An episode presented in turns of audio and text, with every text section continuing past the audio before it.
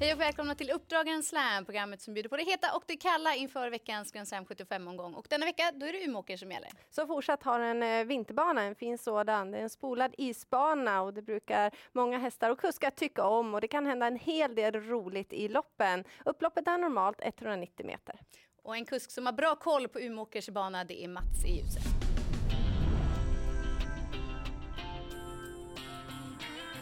Umeåker som bana, det är väl istrav där fortfarande? Ja, precis. Finns det något speciellt med banan man kan säga till spelarna som är annorlunda mot andra banor?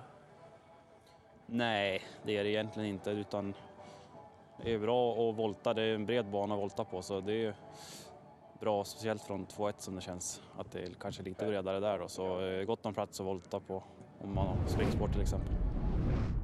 Där har vi förutsättningarna. Vi kan lägga till att det är färre vinnare från ledningen jämfört med genomsnittet i landet och det är ingen skillnad nu med vinterbana. Och nu kastar vi oss över veckans heta.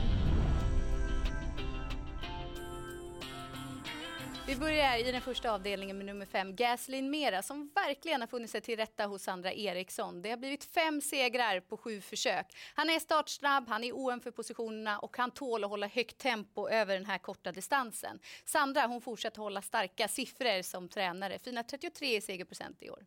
Och I den andra avdelningen så har jag fastnat för nummer fyra, Lill-Alfred, som gillar att vinna lopp och han vann direkt i sin comeback. Han har ett otroligt fint facit på just vinterbana. Åtta starter har gett sex segrar och framförallt den här gången som är väldigt plusbetonat är att Mats Djuse kommer köra för första gången. Ja, det är spännande. Och den femte avdelningen får vi återigen se kallbloden och jag är mest spänd på fem Hagajärven som är svårbedömd men han har tränat fint och han debuterar för Jan-Olof Persson. Och Persson då som har inlett året bra med fin segerprocent. Det här kanske inte är någon man vågar lita på men han får absolut inte nonchaleras. Och den sjätte avdelningen den har rubriken Mästerkusken och det är de tolv segerrikaste kuskarna på Umeåker 2021 som ger upp i en final. Ja, det är väldigt prestigefullt såklart. Tur då att min häst, eller min kusk, hästen också har form, men framförallt kusken, Jan Östman, har bra kuskform. Men hästen jag pratar om, det är ju nummer sju, Eskimo Brother som inte alltid får travet att fungera. Men det är någonting man jobbar med och jag tycker senast att det såg bra ut och han kämpade till sig en fin andra plats. Den här hästen är både stark och han är snabb och han trivs på vinterbana. Fyra starter, det har gett en seger och en andra plats. Och den sista heta hästen hittar vi hos en hemmatränare med gott om rutin. Ja, det är såklart Christer Söderholm då som redan 1987 eh, vann Svenskt travkriterium med Carolo Min och har flera fina intressanta chanser på Grand Slam 75.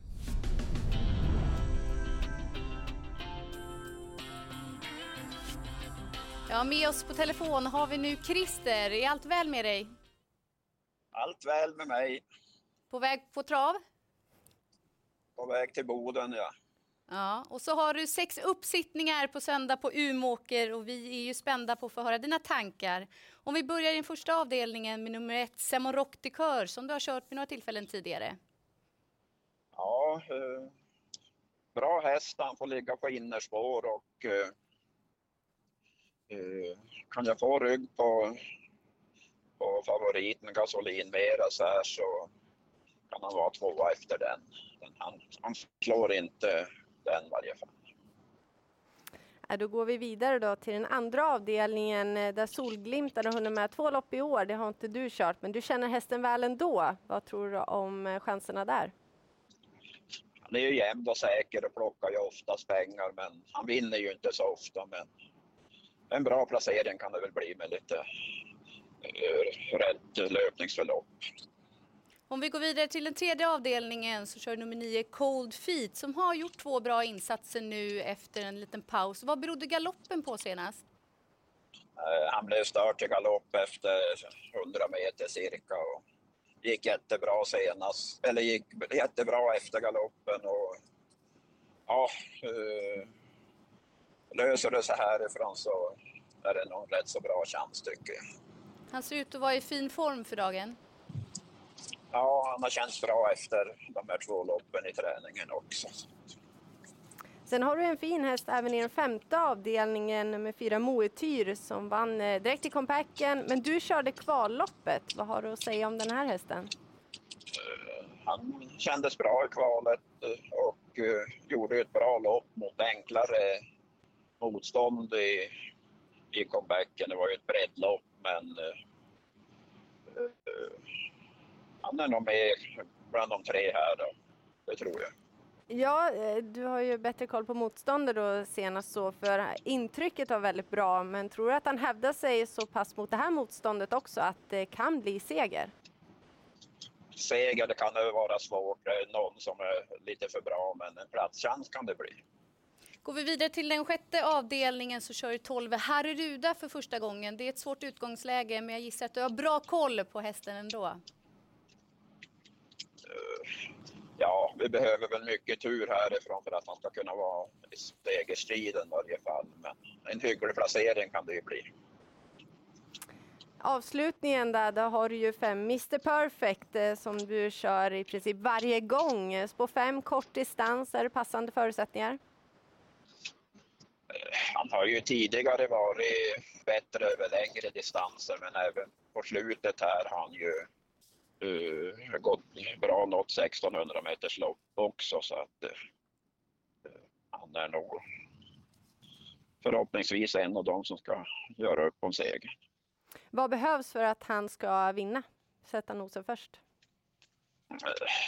Ja, han verkar ju ganska tålig och han har ju gått bra från utvändigt ledaren och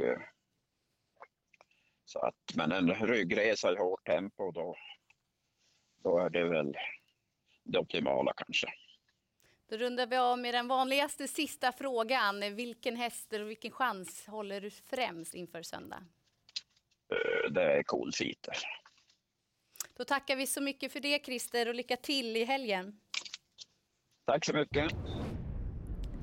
Han hade ju flera fina chanser, flera platschanser, men det var klart och tydligt vem man trodde mest på. Det är den hästen du har pratat om hela veckan. Ja, men det är det, nummer nio Coldfeet i den tredje avdelningen. Han står på tur för seger. Som vi hörde blev ekipaget eh, störda från start. Han tappade mycket mark och avslutningen här längst ut i banan var klart godkänd. Han jagar som sagt karriärens första seger och jag är inne på att det är dags på söndag. Nu går vi vidare till veckans kalla.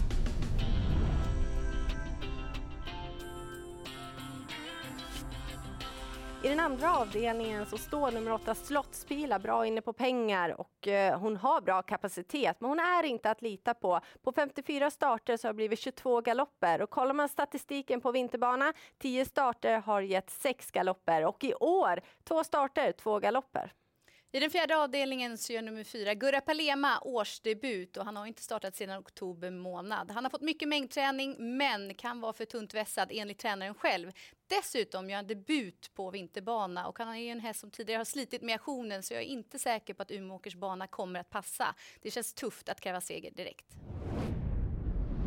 Dags att runda av programmet. Och vad är det viktigaste vi ska tänka på inför söndag? Det är alltid speciella förutsättningar när det handlar om vinterbana. Det krävs mycket fäste och det går verkligen att blåsa till dem till slut. Och din hetaste vinnare?